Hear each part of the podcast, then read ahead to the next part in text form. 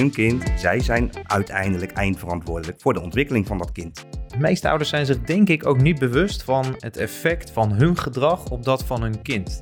Bespreek ook wat de kinderen verwachten van hun ouders. Stel de vraag of je een vraag mag stellen over de wedstrijd. Als het antwoord nee is, dan rij je terug zonder dat je over die wedstrijd begint.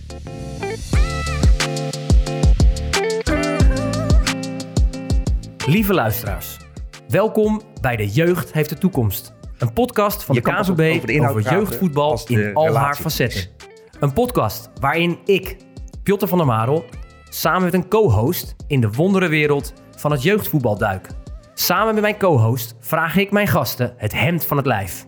En gaan we op zoek naar hun visie, ziens en werkwijze.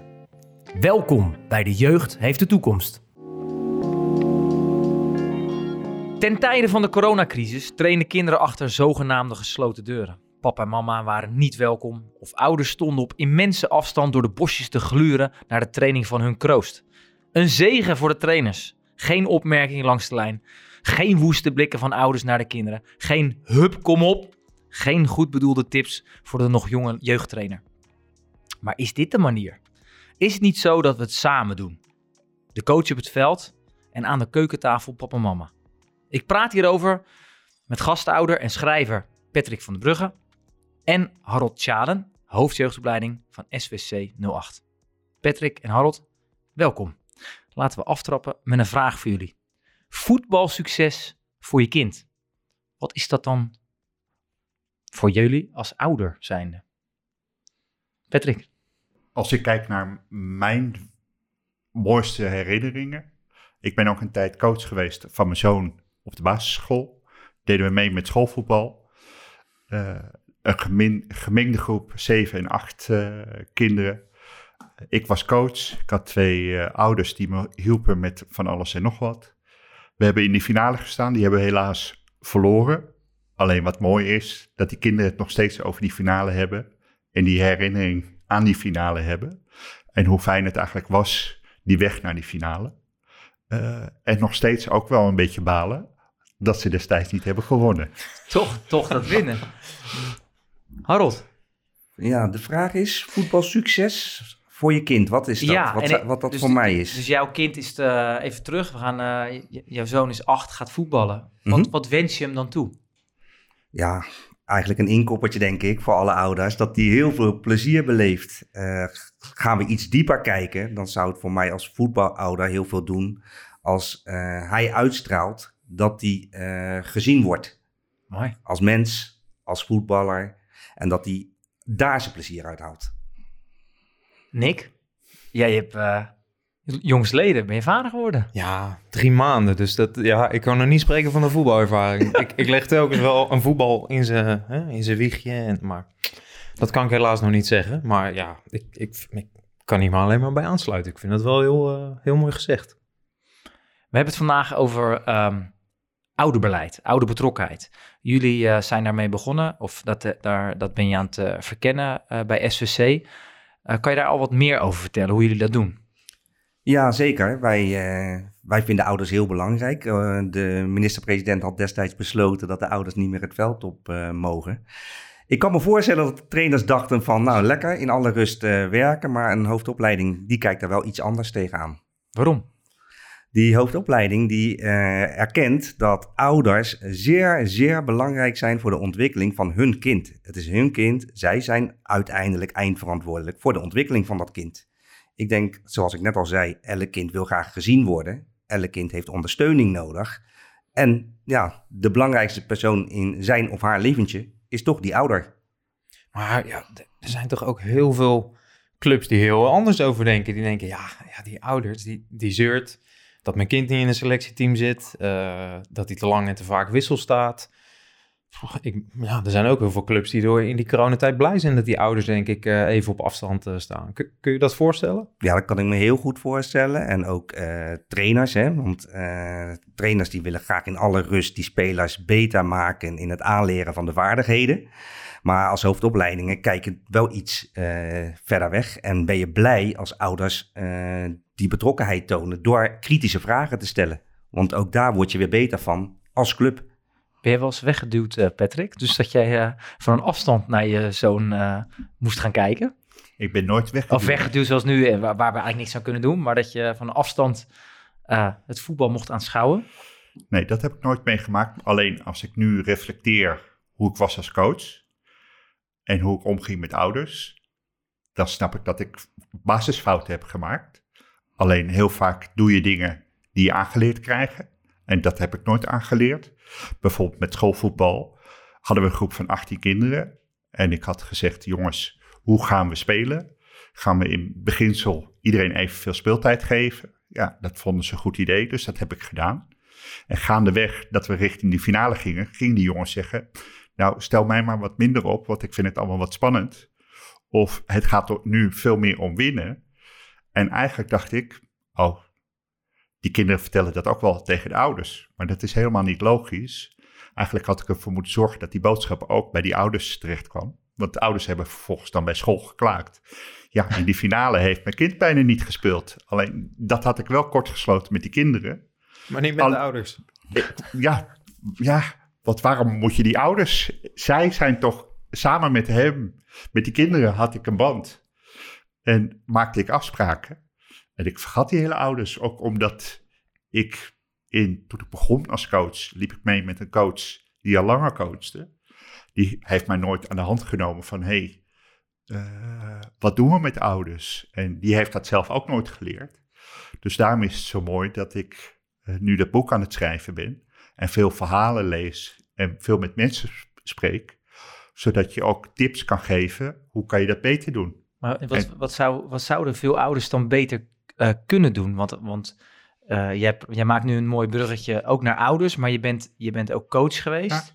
Wat, ehm, wat moeten clubs dan beter doen richting ouders? Want jij hebt veel ouders ook geïnterviewd. Ja. Wat is hun gemis geweest? Hun gemis is uitleg. Wat doen jullie met mijn kind? Wat is voor jullie belangrijk? Wat gaan jullie ontwikkelen? Eh, wat kan ik daarin bijdragen? Wat is mijn rol? Eh, behalve taxichauffeur, want dat vertellen alle clubs wel. Je bent taxichauffeur, je mag teleurstellingen opvangen en verder moet je zoveel mogelijk je mond houden. Dat horen heel veel ouders, topsportouders ook. Eh, terwijl ze zeggen, ja, eigenlijk willen we aan de hand meegenomen worden. Wat gaan jullie doen met onze kinderen? Eh, wat voor beleid hebben jullie ten aanzien van wisselen, van ontwikkelen? Als je dat duidelijk durft uit te spreken en begrip toont eh, voor dat er vragen zijn, maar dan moet je ook aangeven wanneer die vragen gesteld kunnen worden. Denk, denk je dat, Harold, dat, eh, waarom gebeurt dit niet? Waarom zijn clubs daar eh, bang voor? Ik vind heel, heel, heel terecht wat, wat, wat Patrick zegt. Mhm. Maar waarom zijn clubs daar nou zo bang voor? En, eh, en we hebben het nu misschien ook wel op een, over topsportouders, maar dit geldt voor alle ouders. Ja. Nou, jij stelt de vraag, waarom zijn clubs er bang voor? Of bang, of Nou, doen ik, het ik twijfel, nou, ik denk dat het meer in bewustwording zit. Of bewustzijn van dat onderwerp. Want ik denk dat clubs daar best wel wat mee willen. Maar ze zijn zich er niet van bewust hoe ze eh, die ouders erbij kunnen betrekken. En eh, hoe zij daar een win-win situatie van kunnen maken. Dus die cl- clubs die zien misschien nu nog, wij bij SPC niet moet ik eerlijk zeggen, maar die, sommige clubs zien die ouders misschien nog als een sta in de weg. Zoals Patrick terecht zegt, eh, de beste taxichauffeurs en eh, prima voor het wassen van de kleding. Maar ik denk zelf ook voor het ontwikkelen van die spelers als mens. Die ouders die mogen wat mij betreft gewoon heel veel interesse tonen in die ontwikkeling. En- daar hebben ze echt een hele cruciale rol in. Veel grotere rol dan die voetbalclubs. Wij zien die spelers, nou bij een amateurclub. Jij bij Sparta denk ik wat vaker met je jeugdspelers. Maar wij bij SBC denk ik een uurtje of zes, zeven in de week. Twee keer in de week trainen en een wedstrijdje. Dat zijn zeven uurtjes in de week. Ja. Dat is En- voor ons niet anders. Ik zou het fijn vinden als mij was geleerd dat, dat je themaavonden kunt organiseren voor ouders. Waarbij je vertelt van wat is je rol. Eh, dat je vertelt dat eh, ontwikkeling van een kind geen sprint is, maar dat het stap bij stap gaat. Eh, dat je na een wedstrijd niet meteen met kritiek moet komen, maar laat het kind zelf eens praten wat hij of zij belangrijk vinden binnen het voetbal. En als je echt wat wil zeggen, stel eerst een open vraag van, vind je, het goed dat we het nog even over de wedstrijd hebben? Eh, en zeg dan niet wat slecht is, Maar vraag waarom een kind een bepaalde besluit heeft genomen. En laat hem zelf nadenken over antwoorden. In plaats dat je als ouder. En het probleem is, als ouder wil je het beste voor je kind. Eh, ik loop veel rond in een topsportorganisatie. Ik zie daar dat ouders heel nerveus zijn als hun kind spelen. Eh, ik heb meegemaakt dat een ouder aan het hyperventileren was als zijn kind aan de bal kwam. En ook afgelopen weekend zei een topsportouder tegen me van... Ik maak me zo nerveus, want dan wordt hij gewisseld. En dan denk ik, heeft hij niet goed gespeeld? En ik ben zo blij dat jij er bent. Die zegt van, ja, daar zou wel een reden voor zijn. Eh, en later kwam dat kind met de mededeling dat hij met een jong elftal moest meedoen. Eh, dus toen kwam de rust weer. Maar eh, ouders willen het beste voor een kind. En dat moet je als club ook willen reguleren. Hoe ze daar aan toe bij kunnen dragen. En niet denken, dat weten die ouders wel. Ook dat moet je leren. En Piotr, jij eh, werd net al gezegd, je hebt heel lang bij Sparta, een betaald voetbalclub in de jeugdopleiding rondgelopen, ook op het veld. Je zal het herkennen, hè? De, de, de gespannen houding van, Ja. van ouders. Hoe, hoe gingen jullie daarmee om? Uh, n- nou, wij hebben hem gedraaid. Dus in, in plaats van het wegduwen. eh, en dat, dat, dat zat wel echt in een, in een, in de profwereld van een ouder is echt alleen taxichauffeur. Komt op zaterdag. Als je je zorg hebt op zaterdag, mag je dat op zaterdag niet uiten. Want dan gaan de spelers terug. Dus dan hou je ook je mond tegen de trainer. Dus je moet je voorstellen, je rijdt naar MVV. En eh, je zit twee uur in de auto heen, twee uur in de auto terug. En je zoon speelt niet. Dan mag je daar dus niks over vinden op die zaterdag. Je mag eigenlijk sowieso niks vinden, ehm, werd er veel gezegd. En wij hebben dat gedraaid naar de deuren gaan open. Eh, vanaf minuut één dat je zoon bij ons speelt, laten wij zien wat wij doen. Dus ehm, ik was daar verantwoordelijk voor, in voor de onderbouw. Eh, dus de, de deur was open. Eh, dat kost heel veel energie, want je bent continu dus aan het praten met ouders. Maar als je ervoor wegloopt, dan komen ze dus ook natuurlijk niet meer. Dus ik was bereikbaar. Ik stond op zaterdag met ouders ook te praten, ook in de kantine en praten over de keuzes die we maakten. En bijvoorbeeld een belangrijke was, een hele eh, leuke avond was dat, dat we over tactiek hebben gesproken. En dat ging dus tot de onder 12. Nou ja, wij zeiden, er is geen tactiek. Wij leren kinderen het spel, aanvallen, verdedigen, omschakelen. En daar zaten heel veel kritische vaders. En die hadden eigenlijk heel veel vragen, maar die stelden ze niet. Maar dat was ook, weer, ook, ook wel weer goed, want dan kan je altijd weer refereren. Je weet hoe we werken, dit is onze filosofie. Wij, wij enthousiasmeren de kinderen. Je hoort, je hoort eh, we proberen vragen te stellen. Eh, en we gaan niet te veel in op tactische zaken.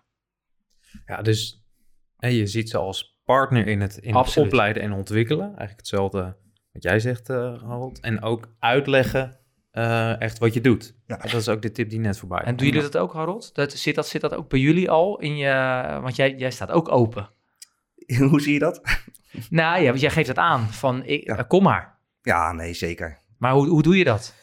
Nou, wij gaan het doen. Wij moeten dat nog, eh, nog verder uitwerken bij SVC 08. Maar ik denk dat het aller, allerbelangrijkste belangrijkste is, is dat je voorbeeldgedrag toont. Dus ik, het staat me ook enorm aan dat jij zegt van ik stond open, ik was bereikbaar voor die ouders. Dat probeer ik bij SVC ook te doen. Eh, kritiek, daar worden we sterker van. Ik ben wel heel erg nadrukkelijk, uh, of althans kritisch op hoe is de toon van de ouders. En als die toon eh, niet goed is, ja, dan zal ik dat ook reflecteren. En dan geef ik wat meer gewicht aan het gesprekje door ze even in de bestuurskamer uit te nodigen met iemand van het bestuur erbij. En dan gaan we alsnog over de inhoud praten. Maar je kan pas over de inhoud praten als de relatie goed is. En uh, nou, ik, ik, merk dat dat werkt. En, en uh, zou je dan, hè, want een betaald voetbalclub, misschien iets minder kinderen dan bij een gemiddelde amateurclub. Zou je dan willen dat ouders naar jou als hoofdopleiding toestappen of naar de trainer? Of is dat situatieafhankelijk? Uh, ja, situatieafhankelijk. Het liefst vind ik uh, eerst met de trainer en uh, er samen uitkomen. Waarbij dan ook nog eens wij bij SWC een onderscheid maken wat het onderwerp is. Want gaat het over voetbal inhoudelijk, hè? aanvallen, verdedigen, omschakelen, dan is de trainer het aanspreekpunt. Maar anders hebben wij nog een lijncoördinator voor zeg maar, het sociale loket. Een kind voelt zich niet happy, het kind is gepest. Dan hebben wij lijncoördinatoren bij uh, SPC 08. Die gaan dan het gesprek aan. En we hebben uiteraard ook een vertrouwenspersoon. Ik denk ook dat het belangrijk is dat je de trainers meeneemt in die visie. Dus als, als uh, HO kan je eh, of als coördinator kan je heel erg de, eh, openstaan voor, voor ouders. Maar als die trainers daar niet in meegaan, dan ben jij degene die het oplost. En uiteindelijk moet die trainer natuurlijk gewoon ook zelf leren. Dus die moet je dat ook, die moet, je moet ook eh, eh, de trainers dit, dit leren. En ze daar ook uiteindelijk op selecteren dat dit de visie is. En als je een hele harde visie hebt, eh, ouders buiten de deur, ja, dan ga je ook die trainers aanstellen. Dus je- En Ja. als ik nog mag aansluiten, ik denk dat het ook belangrijk is dat je een veilige omgeving creëert voor die ouders om te komen met waar ze mee zitten. Eh, omdat het een drempel kan zijn. Ja, als ik wat zeg, wat betekent Ja. dat voor mijn zoon of mijn dochter de speeltijd? Eh, en ik zou altijd pleiten voor een open structuur, omdat je beter met mensen kunt praten dan dat mensen over je gaan praten. Omdat je dan een hele verkeerde sfeer in een ploeg krijgt en misschien wel in een vereniging. Eh, Dus met open structuur bedoel je dat mensen, eigenlijk wat Piotr net zegt, de deur staat open en je kan het gesprek Precies. voeren. En soms hebben ouders ook helemaal niet door wat hun rol is naar hun kind. Ik heb met DCG meegemaakt. Ik merkte opeens dat een kind na elke voetbalactie naar de tribune keek. Ja. Dus ik zei, ik merk dat je constant naar de tribune kijkt. Wat is daar? Nou, ik kijk helemaal nooit naar de tribune. Nou, daar zaten zijn ouders. Hij was constant goedkeuring aan het vragen van zijn voetbalgedrag. En ik heb hem uitgelegd dat wij heel happy met hem zijn. En achteraf denk ik, heel goed dat ik dat gesprek met hem heb gehad. Maar eigenlijk had ik ook dat gesprek met, moeten vragen aan hem. Van vind je het goed als we met z'n drieën ook nog met je ouders gaan zitten? En aangeven eh, wat ik zie. En of zij misschien een idee hebben hoe het komt dat die zoon constant eh, kijkt of zijn ouders blij zijn. Hey, ik, dus, ik wil nou eigenlijk nog wel een vraag stellen, want we hebben het nu al heel erg over oplossingsrichting. Hè, van hoe ga je met die ouders om? Nou, betrekken, informeren. Ehm, maar we zitten hier ook omdat we denk ik met elkaar constateren dat nou, die ouders willen het allerbeste voor hun kinderen. Ik denk dat we dat allemaal meteen herkennen. Dat wil elke ouder. Maar dat uit zich soms ook in ja, zorgelijk of problematisch gedrag. Maar wat zien we dan precies? Wat is dan het probleem waar we nu een, een oplossing voor aan het vinden zijn? Denk jij Harold. hem, eh, Harold? Jij de eerste? Ja, nou, ik, ik moet je eerlijk zeggen, dit gedrag wat we nu bespreken en benoemen is bij SPC geen punt van zorg. Het staat ook niet hoog op de prioriteitenlijst. We zijn een club uit eh, Wassenaar. We hebben eh, uit alle eh, rangen en standen vanuit de maatschappij hebben we mensen binnen SPC. En je hebt bij elke vereniging heb je een paar lawaaimakende bomen die van alles roepen. Wat mooi gezegd. Ja, dankjewel. En, en mijn missie is eigenlijk om, het, eh, om de aandacht uit te laten gaan naar het hele bos wat in stilte groeit. En dat, dat benoem ik ook. Dat zeg ik ook tegen de trainers. Zeggen ouders, het gaat goed hè, hier, het gaat goed. Zolang eh, we allemaal maar dezelfde kant op trekken met alle commissieleden. Maar hoe doe je dat dan? Want dat, dit is niet zo. Voorbeeldgedrag. Ik denk Is dat, voorbeeldgedrag. ja, is dat, is dat het, enige? Eh, nee, het is niet het enige. Hoe lang En- zit jij daar nu en- al? Vijf jaar. Maar ik hoor jou net iets zeggen eh, wat mij ook enorm triggerde. En dat was eigenlijk dat je zei van ja, de, de club zou daar de trainers ook eh, moeten laten weten hoe de club erin Ja. staat. Ik denk, wow, daar heb ik dus nog wat eh, werk te doen. Want wat ik nu allemaal vertel, dat zit in Harrotjade. en eigenlijk de volgende stap die ik moet maken is de, ja, Wat wat, trainers meenemen. ja, en waar staat de club voor? Wat Ja. is de missie? Wat is de visie van de club? Hoe willen wij met elkaar omgaan? Eh, dus dan kom je wel op een stukje beleid.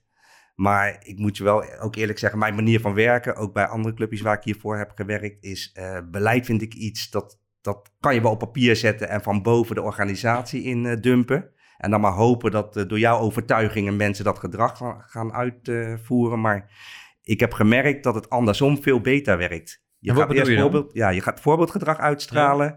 Dan ga je ambassadeurs zoeken in je vereniging die het met jou eens zijn, want die weet je inmiddels wel te vinden op eh, bepaalde onderwerpen. Dan ga je zorgen dat die ambassadeurs in die vereniging een beetje mijn verhaal eh, als een olievlekje door die vereniging. En dat je het uiteindelijk op papier zet en dan beleid noemt in hoofdletters. Ja, dat, dat is goed. En dan heb je het ook geborgd, dan kan je het bewaken daarna, dan kan je de nazorg op. eh, Jij zegt eigenlijk, het is veel belangrijker dat het in de praktijk doorleefd wordt of ervaren of... Hè, eh, ja, kijk, de, gehandeld ja, wordt. Ja, het kabinet kan heel veel coronamaatregelen bedenken en op papier zetten. Op welke website staan ze? Maar als we geen anderhalve meter afstand houden en geen mondkapjes omdoen, ja, Wat hebben we dan aan? Ja, Nick, mag ik een vraag aan jou stellen? Jij hebt veel clubs gezien. En je hebt veel clubs doorgelicht. Kwam jij dit thema tegen? Ja, zeker. Vooral ook dat, dat veel clubs worstelen met hoe ermee om te gaan. Ik denk, eh, het antwoord wat jij net gaf, eh, Harold, dat daar moest ik ook wel gelijk aan denken. Dat je als club denk ik geneigd bent om dan beleid te maken op een paar ouders die het hardste roepen.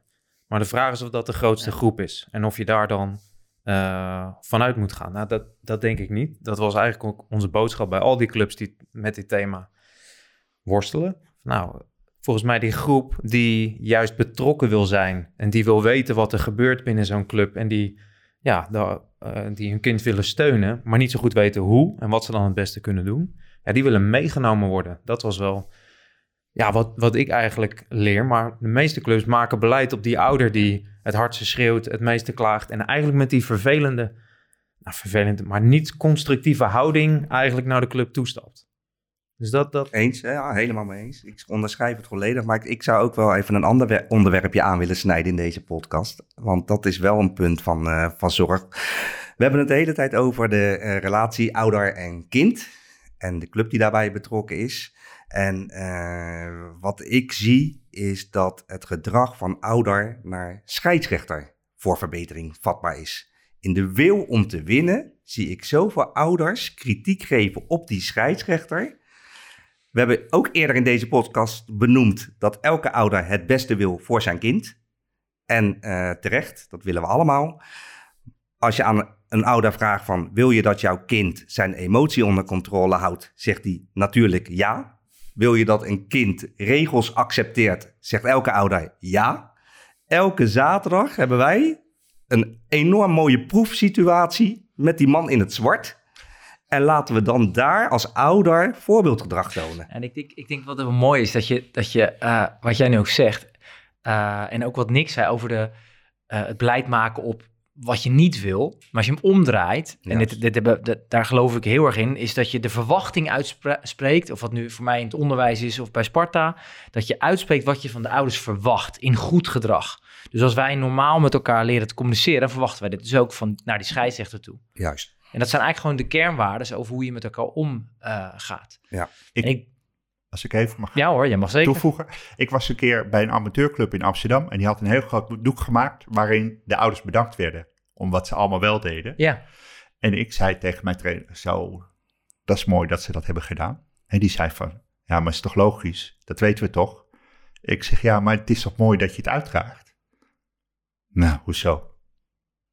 Ouders weten toch dat ze belangrijk voor ons zijn? Terwijl ik denk dat het heel goed is inderdaad om ook te laten zien het gedrag wat je wel wil. Want Juist. als ik door een bocht ga Ja. met 90 km per uur, dan vind ik het leuk eigenlijk dat dat lichtje gaat branden. U rijdt te hard. Maar als het een glimlach is, omdat ik op de juiste snelheid heb, dan doe ik mijn best om die glimlach te scoren.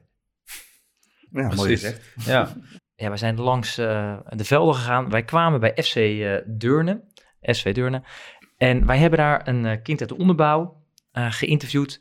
En wij vroegen als eerste, wat, ehm, ja, waar word je blij van was wat je ouder langs de lijn doet? Of wat moet een ouder doen? Ik vind het fijn als ouders langs de lijn me coachen om het beter te maken, maar ze moeten er zelf ook wel wat van snappen. En ehm, als mensen langs de lijn me aanmoedigen, dan daar word ik ook altijd blij van. Vind ik ook wel fijn, ehm, omdat ik dan het gevoel heb dat het goed gaat. Dus absoluut coachen, maar wel positief.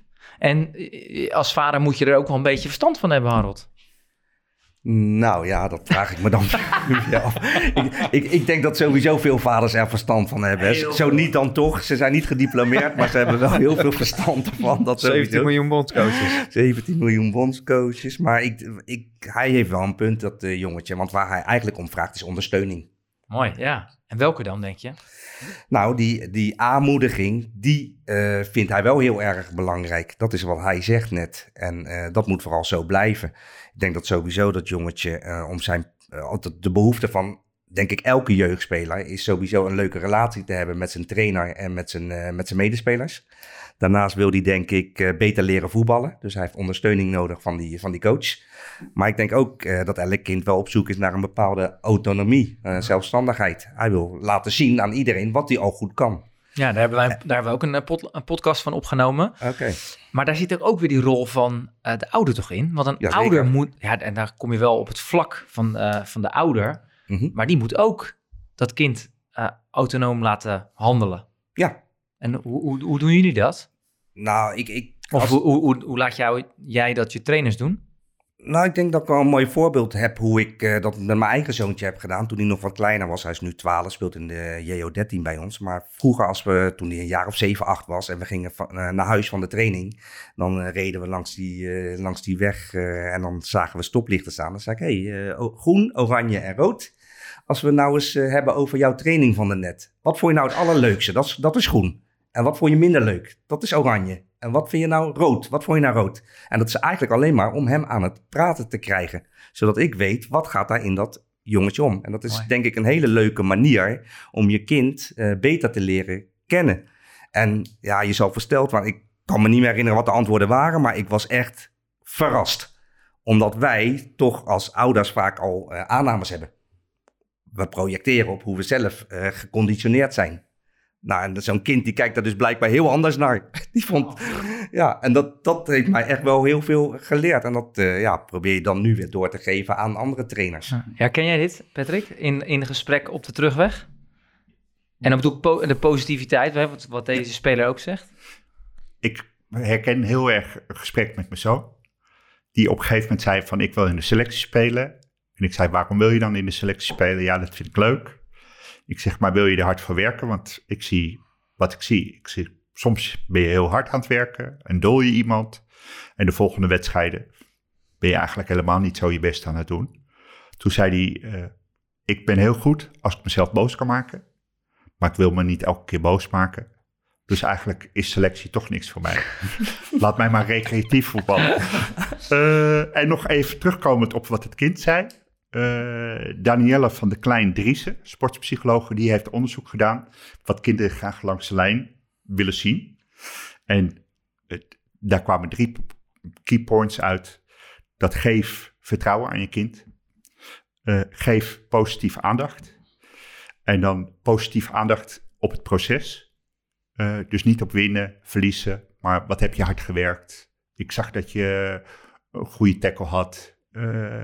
En zorg ervoor dat je niet meteen na een wedstrijd gaat vertellen wat het kind allemaal anders had moeten doen. Ja, wat ik mooi vond aan jou, die je net eh, zei.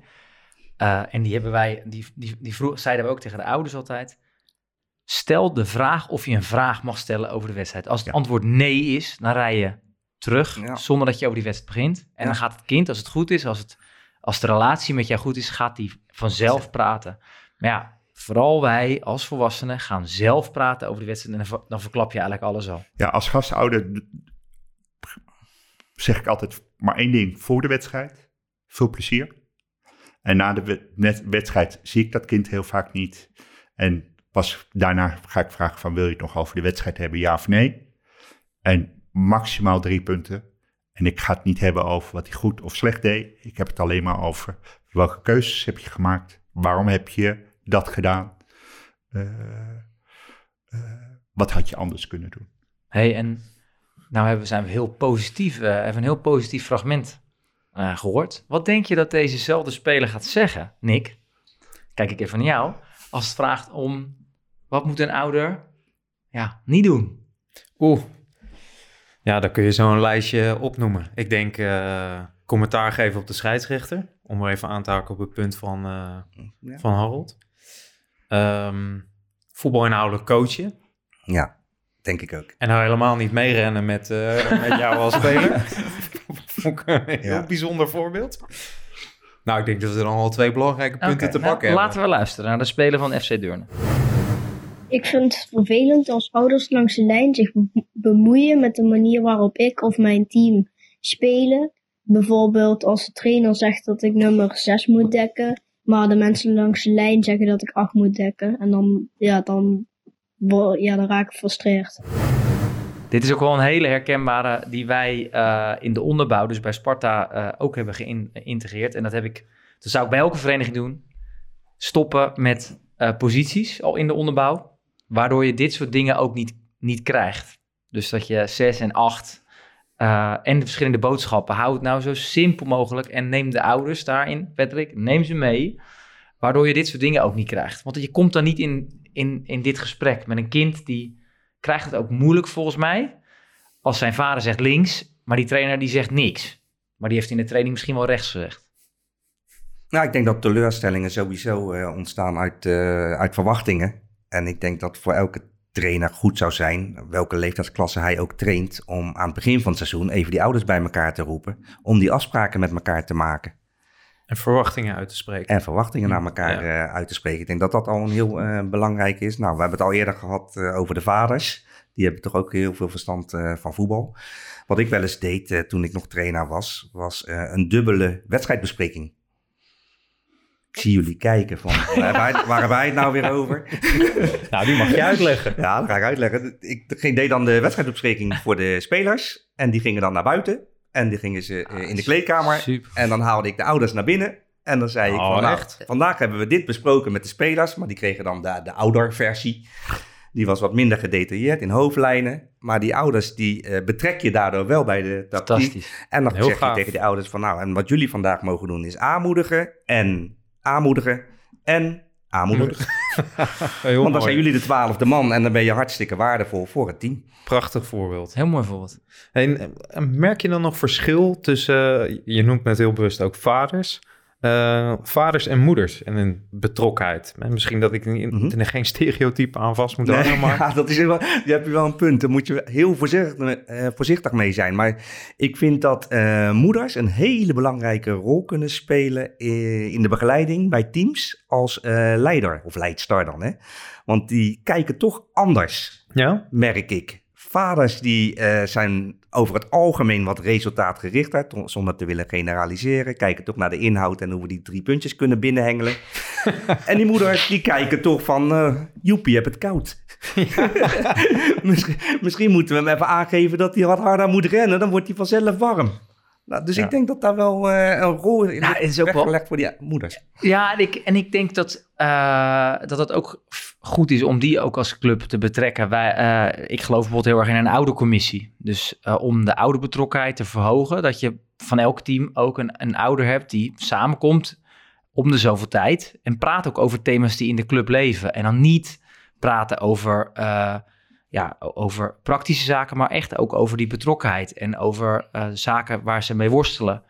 Eh, en wat er speelt binnen een team als er gaat om pesten of, eh, of, wat, of dat soort zaken. Eens. Ja. Eh, Ja, en volgens mij heel terecht wat je zegt, we moeten niet generaliseren. Maar ik denk dat we hier ook met elkaar constateren dat in het amateur en betaald voetbal er bovenal mannen betrokken zijn. En ja, dat, dat we echt wel veel meer vrouwen eh, überhaupt in het voetbal, of nou leider, maar trainer, coach, in welke rol dan ook, dat dat ook iets gaat doen met de dynamiek. Eh, Ja, daarom is het ook heel leuk bij SPC 08 dat we heel veel meidenteams hebben. Ja. En die, die worden dan getraind ook door eh, meiden van het, eh, van het damesteam van de SPC 08. En dat geeft echt wel een hele leuke dynamiek hoor, in zo'n vereniging. Leuk. wat, ik, wat ik mij ook wel, eh, wat ik ook wel een leuke vind, is dat eh, sommige vaders die staan serieus elke training en elke zaterdag staan ze langs de kant. Want ze vinden het leuk om hun zoon te zien voetballen, of zijn dochter. En dat is denk ik, dat is denk ik goed. Maar is het eh, soms ook goed om weg te stappen? Dus laat nou de training van het kind of de wedstrijd, kom ik er niet en zeg ook gewoon dat je niet komt. En praat daarna over de wedstrijd. Wat heeft het kind dan in het stoplicht meegemaakt? Zonder dat je het zelf hebt gezien. Ja, weet ik eigenlijk niet of dat, eh, of dat handig is. Ik, nee, ik, ik heb daar niet direct een, eh, een beeld bij. Ik vind die ouder moet gewoon, of moet, ja, moet helemaal niks. Maar het zou fijn zijn voor het kind als die er altijd is. Die ouder oprechte interesse toont. De eh, inspanning benadrukt en niet het resultaat. Eens, eens. En dat hij het spel aan de spelers laat. En ik Maar weet moet je er altijd zijn? nou, Je hoeft er niet altijd te zijn, want een gezin bestaat uit meer kinderen. Alleen ik denk dat je dat ook moet uitleggen van... eh, ik ben vandaag niet bij jouw wedstrijd, ik ben bij iemand anders wedstrijd. Tuurlijk hoef je er niet altijd te zijn, want eh, laat het kind zelf zijn ding doen. Eh, maar misschien vindt je kind het wel hartstikke fijn dat je meekomt en dat papa en mama meekomen. Vraag gewoon aan het kind van, vind je het fijn als we komen, ja of nee? Eh, niet, ook oké. Maar dat hangt ook een beetje af. eh, of je zeker weet dat het kind niet sociaal gewenselijke antwoorden geeft. Ja. Ik weet van mijn kinderen dat ze daar streed op zouden kunnen antwoorden. Omdat zij zitten aan het stuur. Dat heb ik eigenlijk mijn hele leven gezegd. Jij bepaalt jouw weg. En ik ben er samen met mijn vrouw om te zorgen dat je die weg zo makkelijk mogelijk af kan leggen. En dat je aan mij vragen kan stellen van wat kan ik beter en anders doen. Ja. Maar ik ga niet constant jou duwen. Een vraag eh, eh, ook aan jullie en misschien specifiek aan jou, uh, Piotr. Je hebt, ja, je hebt gezegd eh, dat jullie bij Sparta dit eh, hè, van ouderbeleid een speerpunt gemaakt hebben. Stel nou dat het de club echt lukt hè, om die ouder echt deelgenoot te maken van de ontwikkeling en opleiding van die kinderen. Wat levert dat dan op? Eh, ik denk op korte termijn dat, dat iedereen ook wel eh, het prettig vindt op de club. Dus dat er geen, eh, dat die sfeer ook gewoon goed is. En dat het fijn te komen is voor de ouders. En, en dat het kind daarin ook, want ja, als de Ze voelen ouders, zich welkom. ze voelen zich welkom. En ze voelen zich denk ik gehoord. En ik denk op de lange termijn dat, dat kinderen ook heel erg voelen dat ze aan alle kanten dus gewaardeerd worden. Vanuit de club die daar een beleid op heeft. En vanuit de ouders die ook dat kind centraal stellen binnen die vereniging. En dat je er met z'n drieën... Dit sluit eigenlijk aan op, op jouw intro. Ja. Dat kinderen zich gezien Ja, worden. ik zit ook echt wel eh, heftig met ja te knikken En ik- op alles wat Piotr zegt. Want Nou, ja, we hebben, en, en ik denk ook wel eh, voor jou, eh, Harold, wat, wat, wat, ehm, wat, wat wordt jouw eerste stap dan straks?